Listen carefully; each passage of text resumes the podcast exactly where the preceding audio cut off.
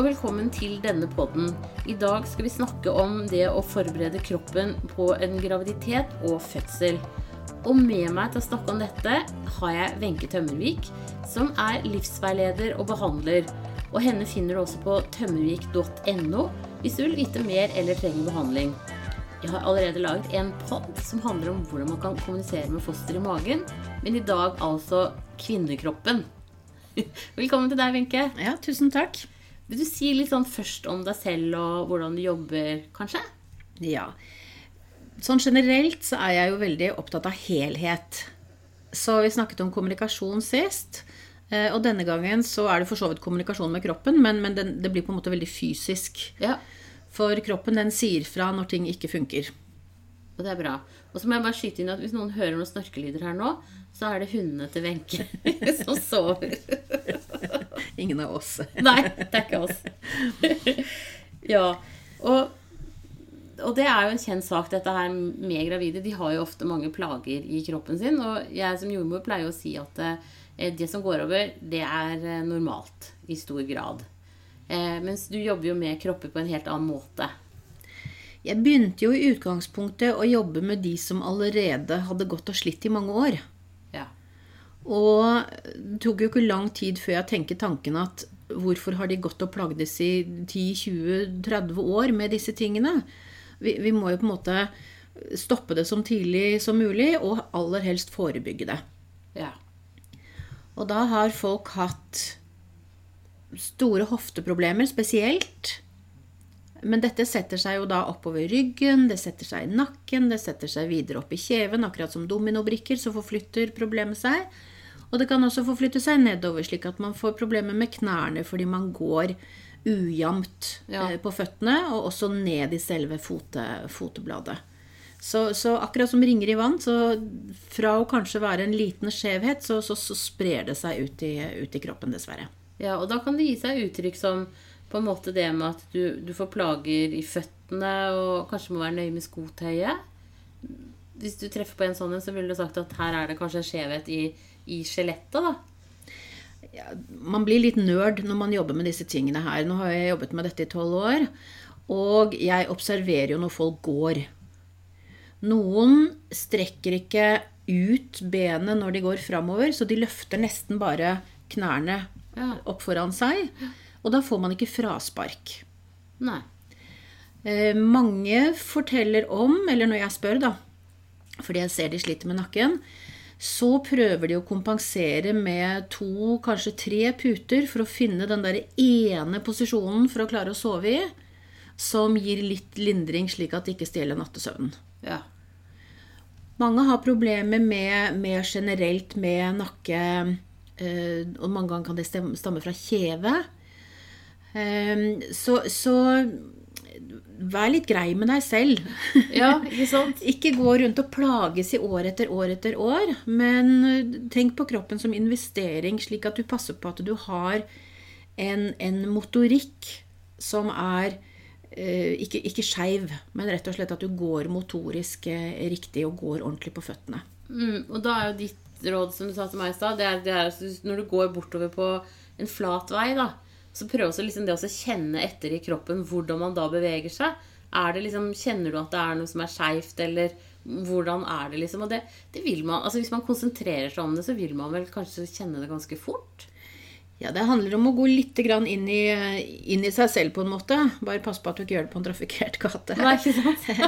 Men hvis du er litt ærlig med deg selv da, så tenker du oi, nå kjente jeg veldig godt den ene hofta mi, eller oi, nå kjente jeg veldig godt det oppi skulderbladet, eller ikke sant. At du, du, du er litt ærlig med deg selv og går litt inn og tenker litt etter hvordan er det egentlig jeg beveger meg. Er det gitte eh, bevegelser jeg ikke kan fordi det gjør vondt? Eller rekker jeg ikke ned og ta på meg sokkene? Nei. Og det er før magen har blitt stor, liksom? Nettopp. Eller etter at uh, barna er kommet, og du fremdeles har problemer med å, å være Vi snakker ikke om slangeakrobater her, Nei, nei. men det er veldig greit å ha på seg sokker ja. og knytte sko. Så, så vær litt ærlig med deg selv og tenk at vet du hva? Jeg har såpass stor verdi. Jeg er forelder til dette, dette barnet her. Og jeg ønsker at både jeg og barnet skal ha det bra, og at jeg skal henge med i, i løpet. Så gi deg selv såpass verdi at du finner en eller annen behandlingsform som kan hjelpe akkurat deg. Det er litt forskjellige behandlinger som kan hjelpe de forskjellige hva skal jeg si, utslagene. Så noen må lete litt før de finner den, den korrekte. Ehm, noen er jo innenfor offentlig helsevesen med rekvisisjoner. Eh, og så har du andre som jobber litt mer alternativt, sånn som meg. Ehm, som har litt andre fokus. Ja, og tilnærmingsmetoder, ja. egentlig. Nettopp. Så, så, men la oss si, ta sånn typisk plage for gravide, da, sånn som bekkenløsning. Mm -hmm. eh, hvis man begynner å kjenne at det er en bekkenløsning på gang, at man har altså det, Eller gjør det så enkelt som å si at man har smerter i bekkenet. da. Mm. Eh, for det behøver jo ikke nødvendigvis å være en bekkenløsning. Det kan jo også være en bekkenlåsning. Men altså, bare tar liksom utgangspunkt i smerter i bekkenet. Eh, hvordan ville du jobbet da? Først så observerer jeg folk uten at de tenker det. Jeg ber dem kanskje gå noen meter på, på gulvet, så jeg ser hvordan de plasserer føttene. Og jeg ser hvordan de eh, plasserer hoftene. Gjerne når de kommer inn på kontoret, og vi står og prater litt, folk henger av seg jakken og sånn, så ser jeg at mange lett står og henger på den ene hofta. Ja. Så allerede da så er jeg i gang med å observere hva eh, problematikken kan være. Noen ganger er det direkte forskjøvet, andre gang kan det være dreid. Så det det er, mange forskjellige positorer som, som, er tenkt litt som et sånn kompass i en båt. Ja, ikke sant? At det kan få mange forskjellige vinklinger litt etter hvert som, som eh, Hva skal jeg si Skaden viser seg, da. Eller det er ikke direkte alltid en skade, men en spenning viser seg. Ja. Og så jobber jo jeg da på benk. Dette er en behandling som er med klær på. den kranusakralen. Um, slik at man slipper å kle av seg.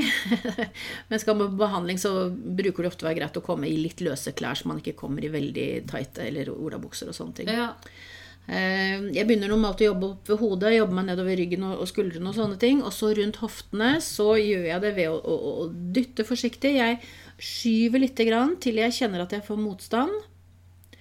Og så legger jeg på 10 grams trykk. Ja. Og 10 gram tenker folk Oi, hva er det for noe? Den gamle tiøringen er 10 gram. Er 10 gram liksom. ja. Ja. Så det er ikke noe voldsomme bevegelser. Det er ikke noe knekk og brekk med det jeg holder på med. Det er rett og slett å gå inn der hvor spenningen sitter. Så midlertidig kan det kjennes ømt, eller man kan kjenne ilinger eller strålinger eller et eller annet sånt. Eh, og så vil det eh, sakte, men sikkert få flytte på seg og slippe taket. Ja.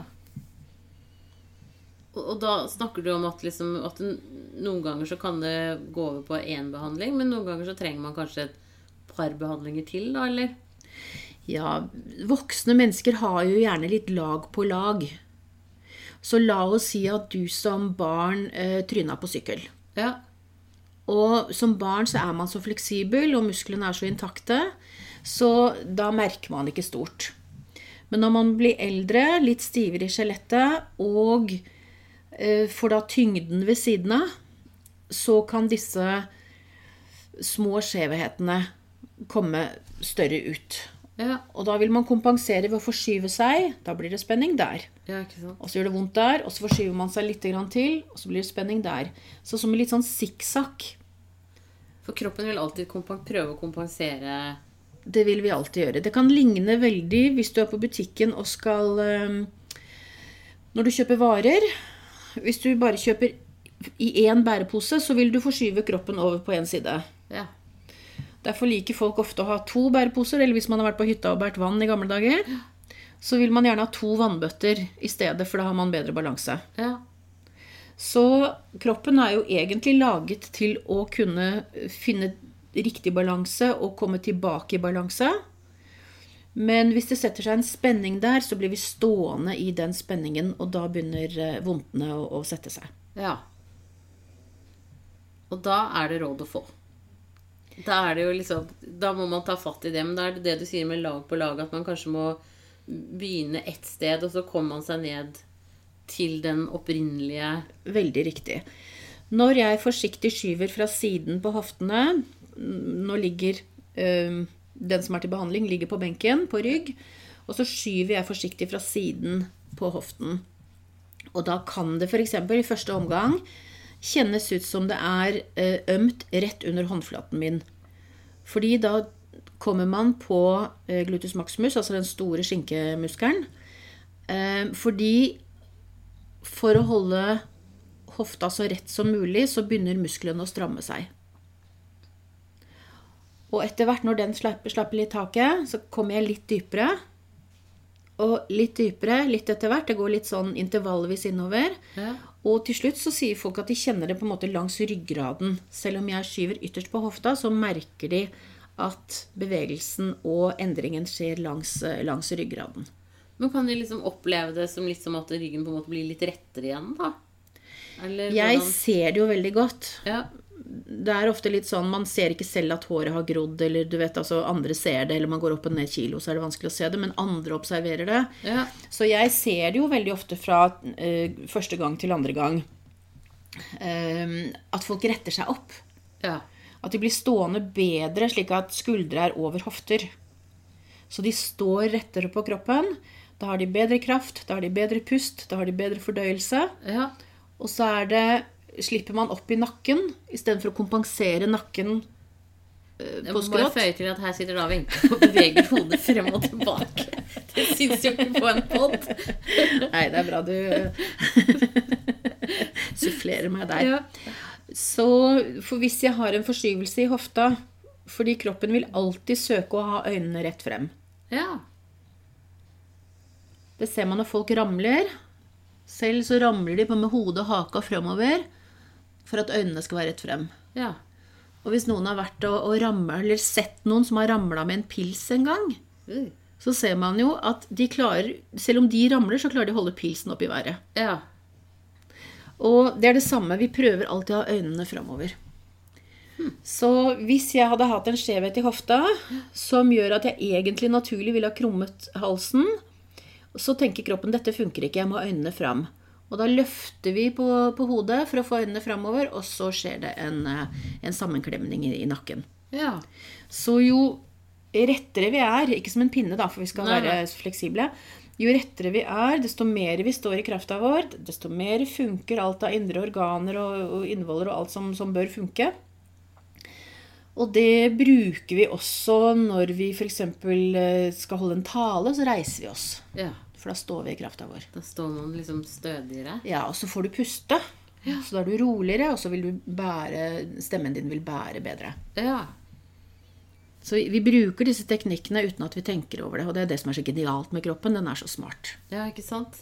Men noen ganger så kan det være greit å vite hva det er vi faktisk egentlig gjør, da. Og jeg tenker liksom det du sier med, med å ha et, et rettere bekken For meg som jordmor så er det jo Det er jo en fødselskomplikasjon, faktisk, hvis bekkenet er skeivt. For da kommer jo ikke babyen altså da, Sjansen for at babyen setter seg fast, er jo akkurat hakket litt større. Eh, når det er skjevheter. Da snakker vi jo som ofte store skjevheter, da. Men, og så er jo bekkenet til fødsel ofte også helt løs fordi at eh, man har jo hatt en sånn fysiologisk bekkenløsning. Men allikevel, altså veldig skjeve bekken er jo ikke, ikke greit når man skal føde. I den opprinnelige Den gangen jeg gikk og, og studerte dette, Ja. så var det et tall som sa at hvis mor har veldig skjevt bekken, så kan åpningene reduseres med opptil 28 ja. Eh, Jeg har ikke funnet noe bakgrunn for det tallet, så dere får ta det for det det, Ja. det, det er. Men at fordi hvis mors bekken er, er skjevt, så vil jo bekkenet bli som en trapes istedenfor å bli en trakt. Og så vil sidene forskyves, og så blir det som en trapes. Og da klemmes jo faktisk babyen skjevt ut. Og for de som ikke husker hva en trapes er, så ser det ut som en sirupsnipp. ja, stemmer. Ja, ikke sant? Ja. Bekken som ser ut som en sirupsnipp, er ingen god Nei, det er en, en dårlig, dårlig start, ja. Ja. Så da vil både mor og babyen kjempe, for babyen har jo en, en helt fantastisk reise gjennom bekkenet. Hvordan den snur seg, hvordan den snur på hodet for å unngå mors haleben og dette her. Så den, den har en helt sånn programmering på hvordan den da jobber seg gjennom eh, passasje, for passasjetiden og helt ute. Mm. Det heter kardinalbevegelsene. Oh, Det er fire. det er bra. Ja, og det er som du sier, sant, den skrur seg ned minste motstandsvei. Så det er jo ekstremt fascinerende. Men, men så tenker jeg også sånn der eh, Vi snakket litt om sånn eh, kjeve, nakke, eh, armer som dovner. Det kan jo da Et resultat av at bekkenet ikke er i ordentlig posisjon. Ja. Mange har sikkert prøvd også å stable sånne firkantede klosser oppå hverandre for å stable et høyt tårn. Og hvis man stabler litt skeivt da, så må man kompensere litt i andre enden. Hvis ikke så, så raser jo tårnet. Uh, og hvis man begynner da å forskyve bekkenet, så vil jo da hver knokkel oppetter begynner å forskyve seg opp langs hele ryggraden. Så du får liksom skjeve tårn i Pisa på innsiden, selv om du ser relativt normal ut for vanlige øyne på utsiden. Ja. Så når du har gått litt i sikksakk på innsiden der sånn, så begynner ting å, å gjøre vondt. Eh, og det vil kunne sette seg da først primært oppi mellom skuldrene. Eh, og så sette seg opp i nakken. Og kroppen tenker ikke på seg selv som foran og bak. Nei, det visste jeg ikke.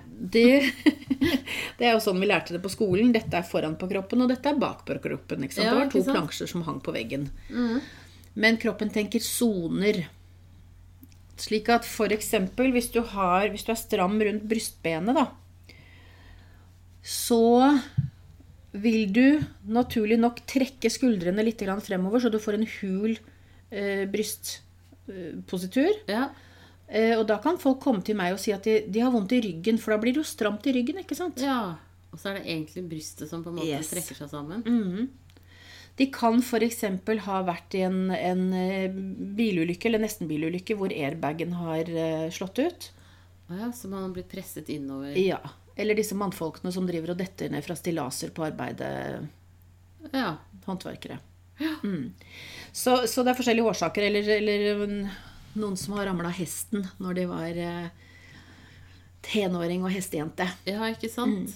Så, og disse tingene her får jo da påvirkning både på pusten, og, og vi trenger også pusten når babyen skal ut. Det å lære seg å puste i rytme sammen med, med kroppen vil også hjelpe til å løse opp og åpne opp de riktige, riktige kanalene og riktige positurene som skal til for å, for å få det ut. Ja. Så nakke påvirker kjeve, men det kan også være motsatt. Ja. At det er kjeven. og Vi gjør mye rart med munnen i Norge. Vi har fryktelig mye tabu rundt munn. Oh, ja.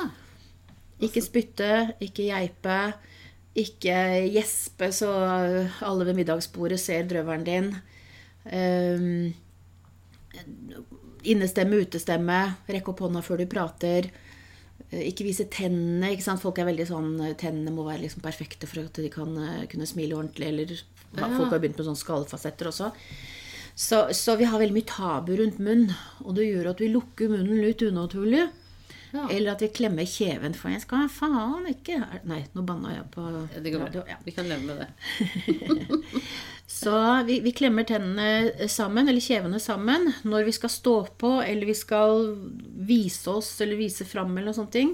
Eller vi har vært litt uheldige med, med tannlegene. At det er doktor Øskeland som har vært din eh, tannlege. Ja. Og klart da Når ting begynner å forskyves inni dette finmotoriske området her sånn, så blir det som å, å stramme en, en snor på en maske bak i nakken. Ja. Som igjen setter seg nedover ryggen, og så går det liksom fra den siden, da. Ja, ikke sant. Så det blir litt høna eller egget her, sånn om det starter nedenfra eller om det starter ovenfra. Og da kan man jo få sånne spenninger øverst i ryggen og i nakken som gjør at du faktisk blir litt nummen utover i hendene. Absolutt. Og når, hvis man blir det, da er det på tide å gå og få litt behandling. For da har det jo stått litt eh, og godgjort seg. Ja, det blir ikke bedre av seg selv. Nei. Så gjør noe med det før det blir så vondt at du eh, hva skal jeg si, ødelegger, ødelegger hverdagskvaliteten din. Ja. Så da noen ganger er det muskulært, eh, noen ganger så sitter det dypere. Og da er det jo, ja, spesielt sånn som jeg jobber kransakralen, eventuelt osteopati, som, som jobber med det, som jobber litt dypere igjen. Og, og da vil jeg eh, spørre om hva er kraniosakral? Jeg har liksom tenkt at det bare handlet om hodet for kranio. Men, men eh, sakralen, hva er det? Sakralen er jo korsbeinet. Det er den lille plata som sitter over halebeinet Ja. eh, bak i bekkenet eller bak i hoftene. Ehm, jeg vet ikke helt hvorfor de har plukket ut Jeg skjønner jo kranen, jeg vet ikke helt hvorfor eh, sakralen er plukket ut, men det høres så fint da. Eh, for vi behandler i prinsippet hele, hele kroppen. Veldig mange som kommer til meg. ehm, de fleste har vært hos leger og, og tatt alt mulig røntgen og MR. Og noen stopper jo opp der, for det er der de får hjelp. Mens noen må videre fordi de finner ikke hjelp. Ja. Og heldigvis så har man en indre drive som sier at 'jeg vil ikke ha det sånn som dette'. Nei, jeg må finne noe som kan hjelpe meg. Ja. Så kanskje så mange som 90% kommer til meg eh, og har vært på både røntgen og MR. Noen ganger så syns det, men de får beskjed om at det ikke er noe å gjøre med det. Ja. Og likevel så er det denne indre stemmen som sier at 'jeg må finne ut av dette på egen hånd'. ja for, det, for det, er jo, det er jo vondt å gå og være litt sånn småplaga hele tiden. Det påvirker mye mer enn det du eh, tenker over. Ja. Det påvirker humøret, det påvirker hvordan du stråler ut i omverdenen. Jeg hadde en dame med store nakkeproblemer. eh, Og hvis du tenker deg selv hvordan du senker nakken fremover, så ser du liksom eh, verden gjennom rett under øyebrynene dine. Ja. Og da ser du veldig sint ut. Ja. Så når vi fikk rettet opp nakken hennes, så syns jo hun at hele verden smilte. ja. For da så jo de hele hennes ansikt, så da møtte hun jo folk på en helt annen måte. Så vi møter folk på en helt annen måte når vi har en åpen kroppspositur og en ledig kroppspositur. ja. Det er derfor det er enkelt å være glad i små barn som er så åpne og glade. ikke sant? Mens Ja. jo mer innelukka, innestengte og sammenklemte folk er, desto vanskeligere er det å kommunisere med dem. Ja, det, det, det høres veldig logisk ut, sånn som du forklarer det nå. eh, I aller høyeste grad. Eh, og, så, og så tenker jeg sånn Så da, da betyr det at når du jobber kraniosakralt, da jobber du med hele, egentlig med hele kroppen. Det vil jeg alltid gjøre. Ja. Det er, eh, for det første så er denne teknikken lagt opp til det.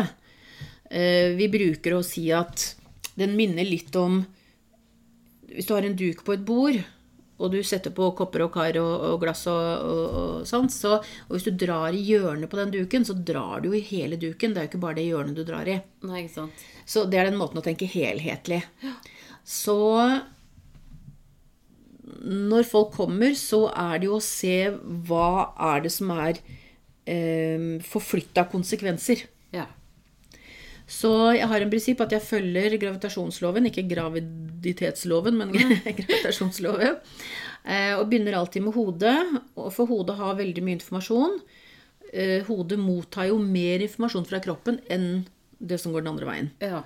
Så hodet har veldig mye informasjon, og når jeg begynner da forsiktig med små dreiebevegelser oppi hodet, ehm, så begynner folk å si 'oi, nå kjente jeg noe nedi magen'. 'Oi, nå kjente jeg noe nedi, nedi skinka'. Eller? Så, så begynner folk å, å, å kjenne at kroppen henger sammen. Ja. Så sakte så kommer disse bevegelsene, og bevegelsene begynner av seg selv, egentlig. Kroppen begynner å vise hvor den skal hen. Og da følger jeg det bare, og akkurat som jeg nevnte i stad angående hofta, følger jeg bare bevegelsen til bevegelsen stopper opp. Og når jeg møter denne lille motstanden, så legger jeg på 10 grams trykk.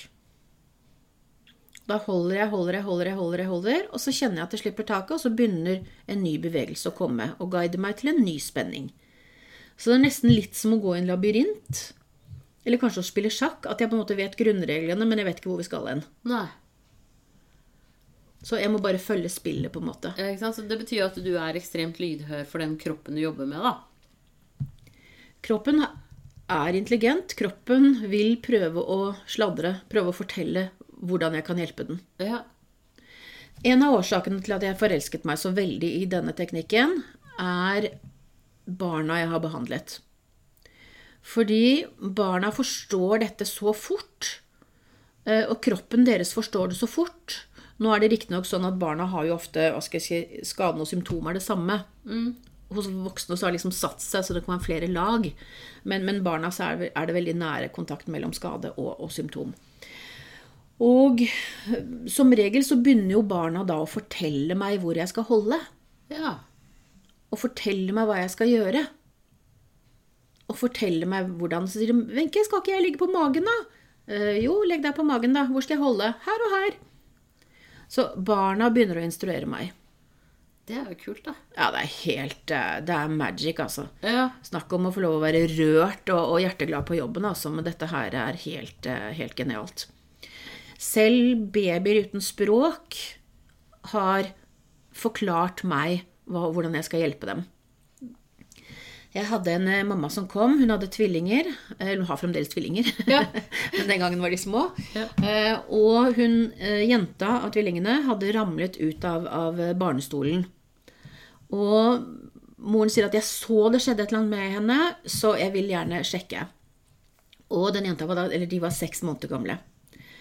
Så jeg klemmer jo aldri på et kranium som ikke er ferdig formet. Men legger, vi legger henne på rygg, og så legger vi hodet hennes oppi hendene mine, som jeg bare holder som en skål. Ja. Og det første som skjer, er at babyen bare, akkurat som jeg skulle sluppet ut lufta av han, uh, bare lander på en måte ned i, ned i benken og ned i hendene mine. Ja. Og så observerer vi, for jeg, jeg beveger ikke så mye, det er jo så små bevegelser som skal til på en bitte liten eh, baby, eller en, et, et lite barn. Ja. Eh, og da ser vi at det begynner å jobbe, fordi jenta begynner å lage ansiktsgremaser. Ah, ja. Det begynner å bevege seg rundt i alle retninger i, i ansiktet hennes. Og en liten stund, og så sluttet det, så roet det seg ned. Og så flyttet jeg hendene slik at jeg holdt på hver side ved ørene hennes. Og jeg bare holdt inntil, ikke, ikke presset eller, eller noen sånne ting, og så la jeg det bare jobbe av seg selv. Plutselig så jobb, løfter denne lille seks måneder gamle jenta, hun løfter fingeren sin, og hennes pekefinger er jo ikke større enn ytterste leddet på min pekefinger. ja. Så det er bitte, bitte små saker. Og så løfter hun opp, og så holder hun bort på min finger. Og så tenker jeg, lille venn, hva er det du forsøker å fortelle meg? Og så følger hun meg ca. 1 cm, slik at pekefingeren min flytter seg på hodet hennes. Ca. 1 cm, og så slipper hun taket. Og da begynner det å jobbe. Det blir en sånn rosa rose under der hvor jeg holder. Jeg holder ikke hardt, jeg holder bare bortpå. Ja. Og det, da vet vi som behandlere at da jobber det under der. Da sitter det spenninger under der. ja. Så jobber det kanskje et par minutter. Så kommer den lille hånda opp igjen. Bort på min pekefinger. Guider meg en halv centimeter i en annen retning. Og slipper taket. Og der også dukker det opp en sånn rosa rose under. Så hun er seks måneder, og hun forteller meg hvordan jeg kan hjelpe henne. Det er jo fjetrende. Ja, dette er magic, altså. Ja. Så, og og jeg har mange sånne, sånne historier med, med barn. Ja. Så når mor er bevisst motorikk, sin egen motorikk, så vil hun også Eller far også, for den saks skyld. Det er jo øyne i hodet på han òg. Ja, ja, ja. Eh, Når man lærer seg å observere motorikken hos barnet, og ser det at de eh, beveger seg motorisk jevnt, da. ja. Synkront, liksom. Ja, nettopp. Så er det den optimale hva skal jeg si, tilfriskningsformelen Ja. for en kropp. Ja. Men, men jeg tenker også på det du sier, for det, det er veldig sånn fascinerende å høre den historien om det barnet, men at det handler jo egentlig om at det at vi sjøl også kan kjenne litt etter i våre kropper, da. Eh, jeg har gjort noen ganger når jeg liksom har lagt meg om kvelden og bare ligger helt og er helt sånn slapp, så kan man jo kjenne hvis man er litt skeiv.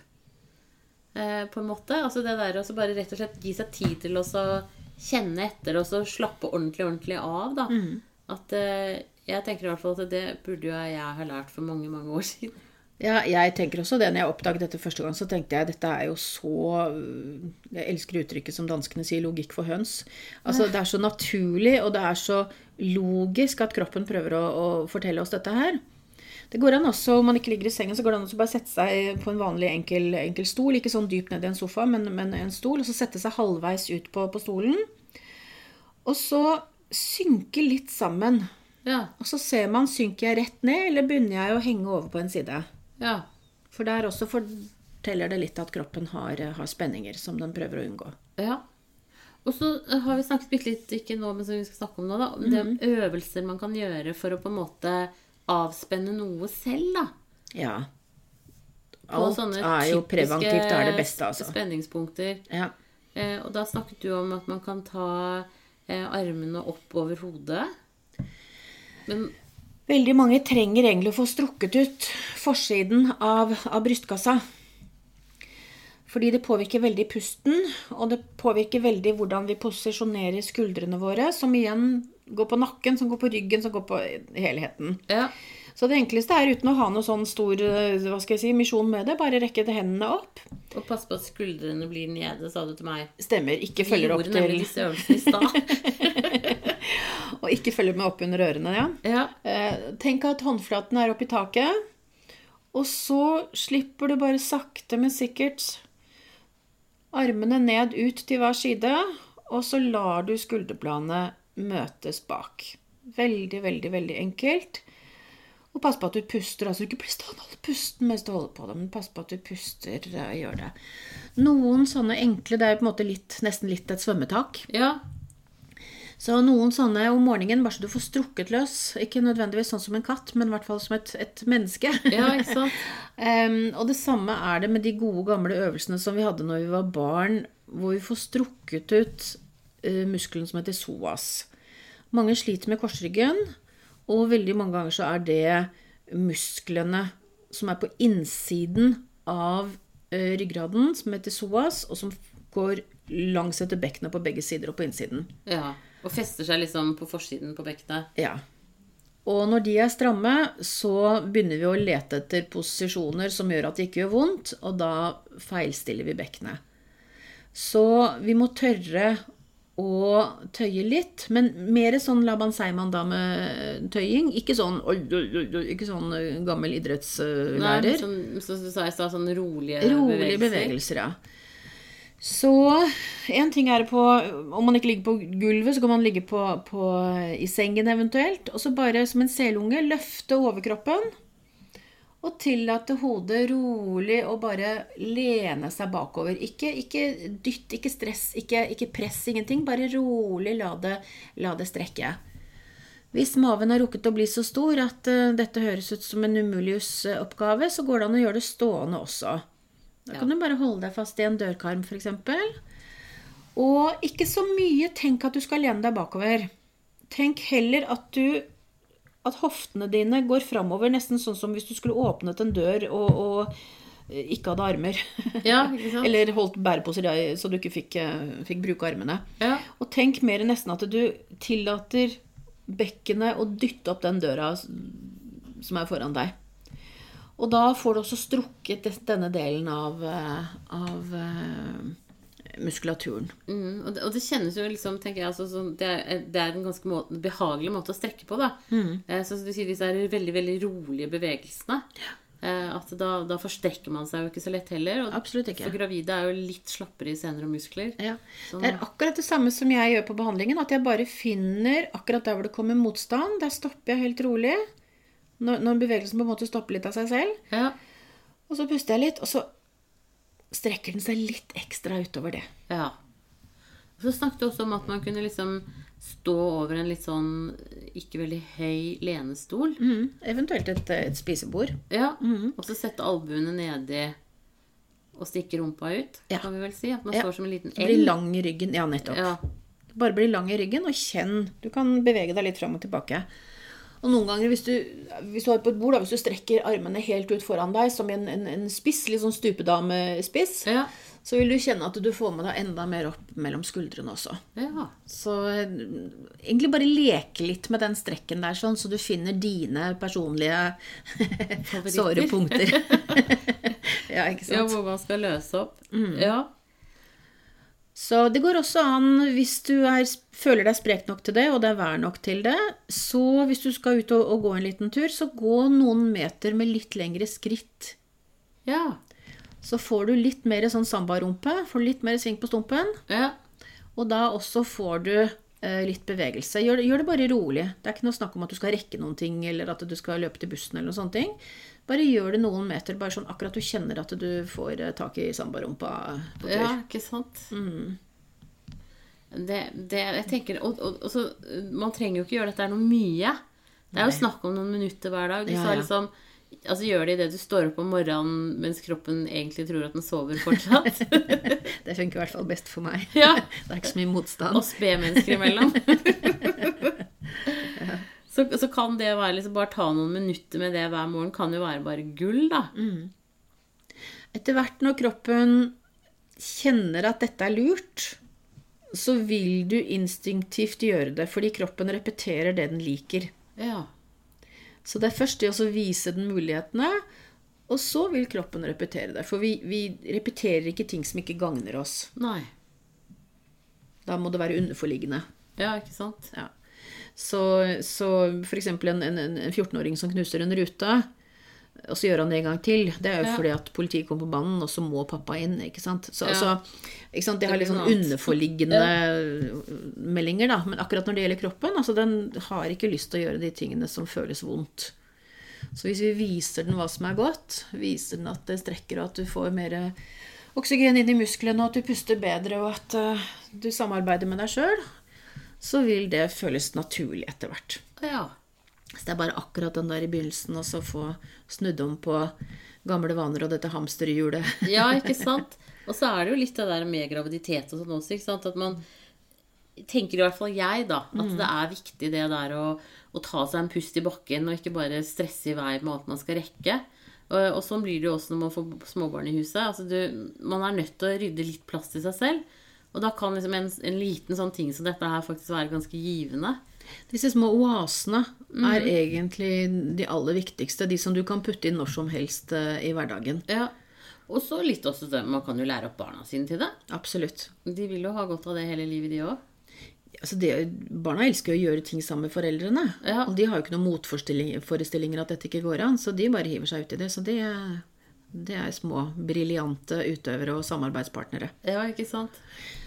Det er jo en del gravide også som på en måte ikke Altså i denne fasen ikke, kanskje ikke er så glad i kroppen sin fordi den endrer seg så mye, og den, den, de kjenner seg liksom ikke igjen i den. Ja. Så, så det å gjøre disse enkle strekkbevegelsene gjør at man samarbeider bedre med seg selv. Ja, Og det er jo en viktig del av reisen at man ikke absolutt. Tenker at man burde vært slik eller så hvis man har lest det på en eller annen blogg. Ja, så eh, så samarbeid med deg selv, det er liksom det som er essensen her. Ja. ja men det, det høres ut som en, en, en Det tenker jeg liksom at det kan jo kanskje være avslutningen. Ja. Det å samarbeide med seg selv.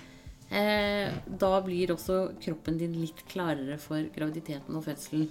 Absolutt. Absolutt. Tusen takk til deg, Wenche Tømmervik, som er, jobber som livsveileder og behandler, og som du finner på tommervik.no. Dette her var ordentlig artig å prate om. Vi skal prate om flere ting, tenker jeg. Takk.